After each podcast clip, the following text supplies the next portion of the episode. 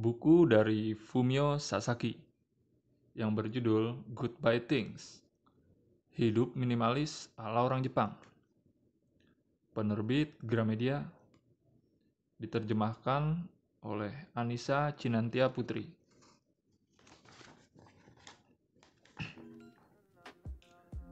Prakata Memiliki barang dalam jumlah sedikit mengandung sukacita tersendiri. Itulah mengapa sudah saatnya kita berpisah dengan banyak barang yang kita punyai. Paragraf di atas adalah versi singkat dari pesan yang ingin saya sampaikan dalam buku ini. Saya ingin menunjukkan bahwa memiliki sedikit barang sebetulnya menakjubkan, walau walaupun kita diajari yang sebaliknya. Kita mengira semakin banyak barang berarti kita semakin bahagia. Kita tidak tahu apa yang mungkin terjadi di masa depan, sehingga kita mengumpulkan dan menyimpan sebanyak mungkin barang. Jika mengikuti cara pikir ini, artinya kita juga harus mempunyai banyak uang. Perlahan, kita pun mulai menilai orang lain berdasarkan jumlah uang yang dimilikinya. Setelah itu, kita tersadar bahwa uang bisa menyelesaikan banyak masalah. Bahkan dengan harga yang tepat, pendirian seorang pun bisa diubah. Dan jika kita mampu membeli pikiran seseorang, tentu kita juga bisa membeli kebahagiaan. Dari situ, kita masing-masing mulai meyakinkan diri bahwa kita harus menghasilkan banyak uang agar tidak tertinggal gerbong kereta kesuksesan. Supaya kita bisa mendapatkan uang, harus ada pihak lain yang mengeluarkan uang. Begitulah seterusnya. Perkenankan saya bercerita sedikit mengenai diri saya. Saya pria berusia, berusia 35 tahun. Lajang dan belum pernah menikah. Saya bekerja sebagai editor di sebuah penerbit. Baru-baru ini, saya pindah dari daerah bernama Nakameguro di Tokyo. Tempat yang telah saya huni selama 10 tahun, ke Fudomae. Daerah yang berbeda meski masih di kota yang sama.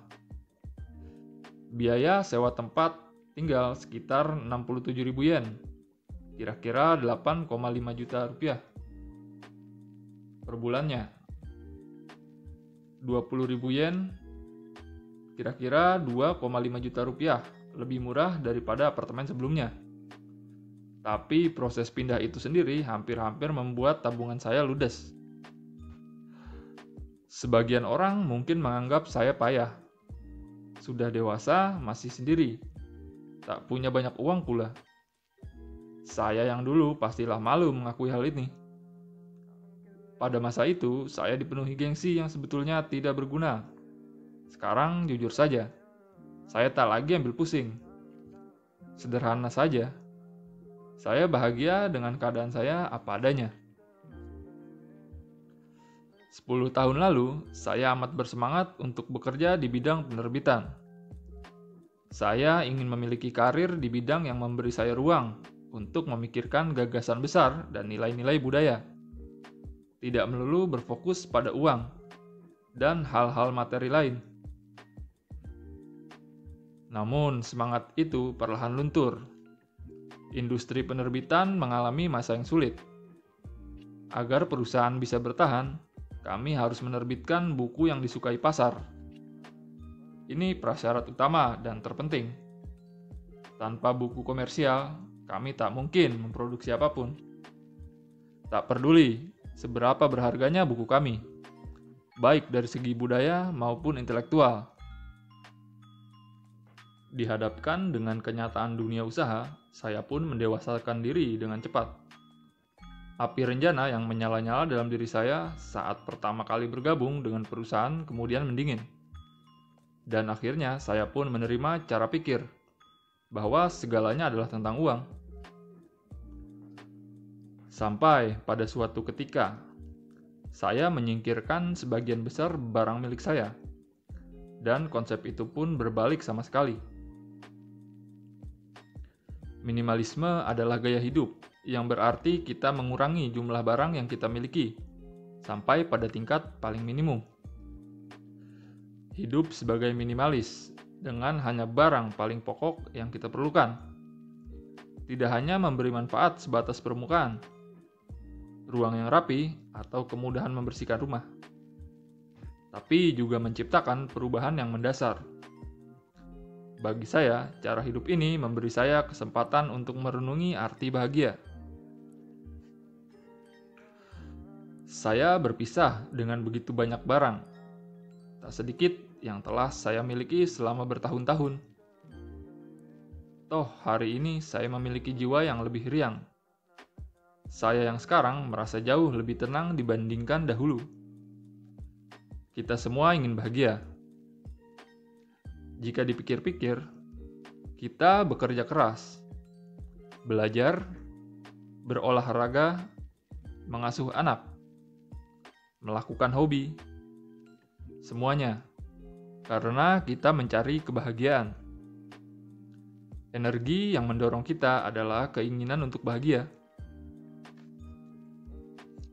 Minimalisme bukanlah sesuatu yang saya jalani sejak dahulu Sebelumnya, saya malah membeli banyak barang karena yakin bahwa segala sesuatu yang saya miliki akan meningkatkan harga diri dan tentunya memberikan hidup yang lebih bahagia.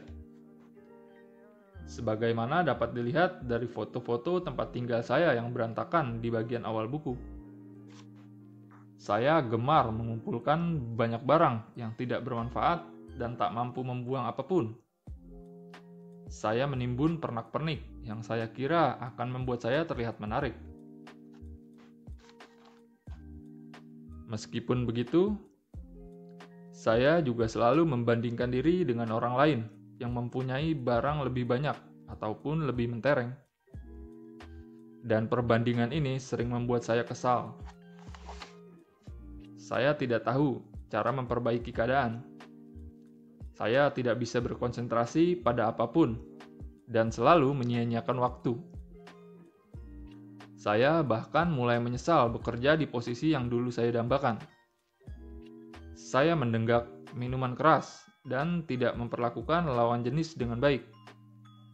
Saya juga tidak mencoba berubah. Saya pikir diri saya memang seperti itu, dan karenanya saya layak terpuruk. Mari saya deskripsikan seperti apa apartemen saya ketika itu. Kamar tidur tidak terlalu berantakan. Saya bisa membereskan ala kadarnya bila kekasih saya datang berkunjung di akhir pekan, supaya ruangan itu setidaknya pantas dilihat. Saya mencoba menata area pajang yang keren, berisi benda-benda hiasan kesukaan saya dan menata pencahayaan ruangan untuk menciptakan nuansa yang mengundang. Padahal sehari-hari buku-buku bertumpuk di mana-mana karena tidak ada tempat untuk menaruh rak buku. Sebagian besar buku hanya dibaca selembar atau dua. Dalam benak saya, saya membayangkan akan duduk suatu hari nanti dan membacanya satu persatu. Kalau sempat. Lemari pakaian sama sekali tidak boleh dilihat tamu. Isinya penuh sesak oleh pakaian yang dahulu saya sukai. Ada kalanya saya mengeluarkan sepotong baju, menimbang dan mematut, lalu meletakkannya lagi. Sebagian besar pakaian itu hanya dikenakan beberapa kali. Namun, karena harganya mahal, saya pun mempertahankan semuanya. Saya pikir jika dicuci dan disetrika, saya mungkin akan mengenakan baju atau celana itu lagi. Kemudian, apartemen juga penuh dengan benda hobi. Hobi yang lantas saya tinggalkan karena bosan. Ada gitar untuk memain pemula, sekaligus pengeras suaranya yang tertutup debu. Ada pula buku-buku praktis belajar bahasa Inggris yang rencananya saya pelajari begitu ada waktu luang.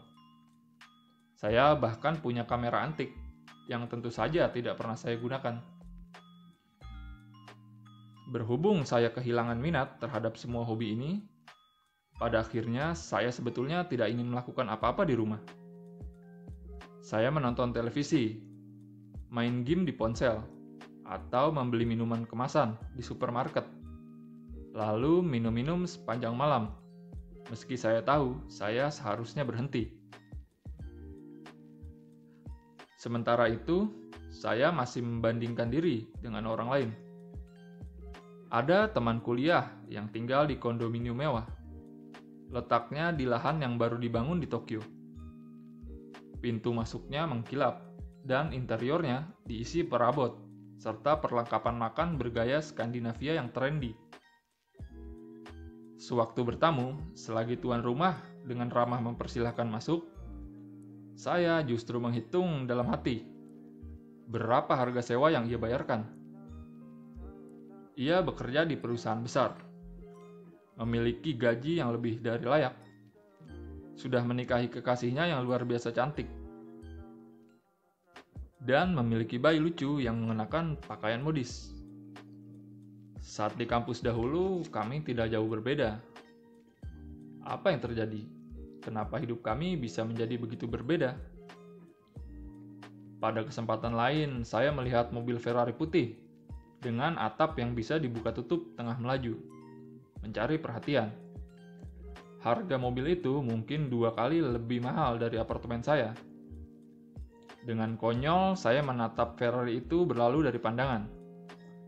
Sambil satu kaki bertahan di atas pedal sepeda yang saya beli, seharga 5.000 yen.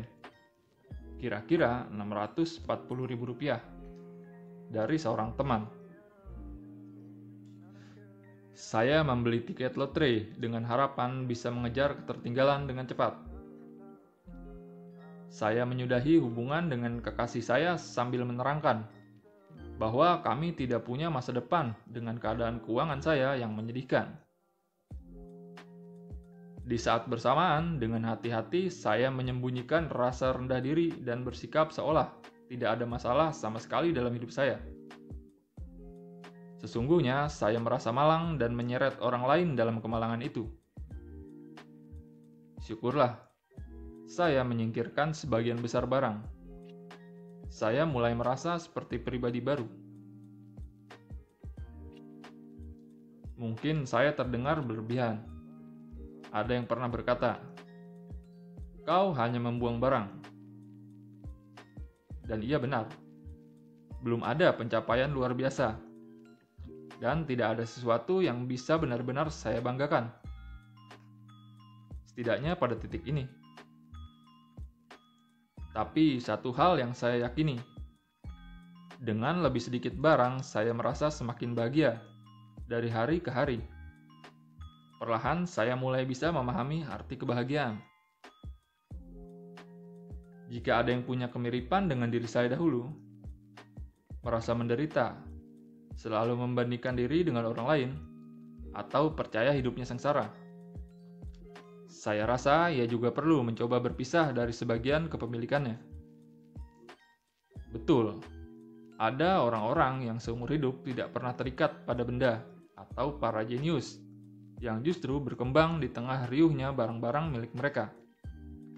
Tapi saya bicarakan adalah bagaimana orang kebanyakan, seperti saya, dan mungkin Anda bisa menemukan kesenangan yang hakiki dalam hidup.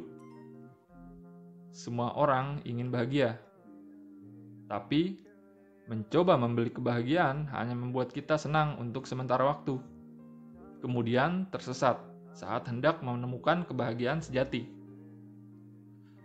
Setelah semua hal yang saya alami, saya merasa berpisah dari barang punya makna lebih dari sekedar merapikan tempat tinggal.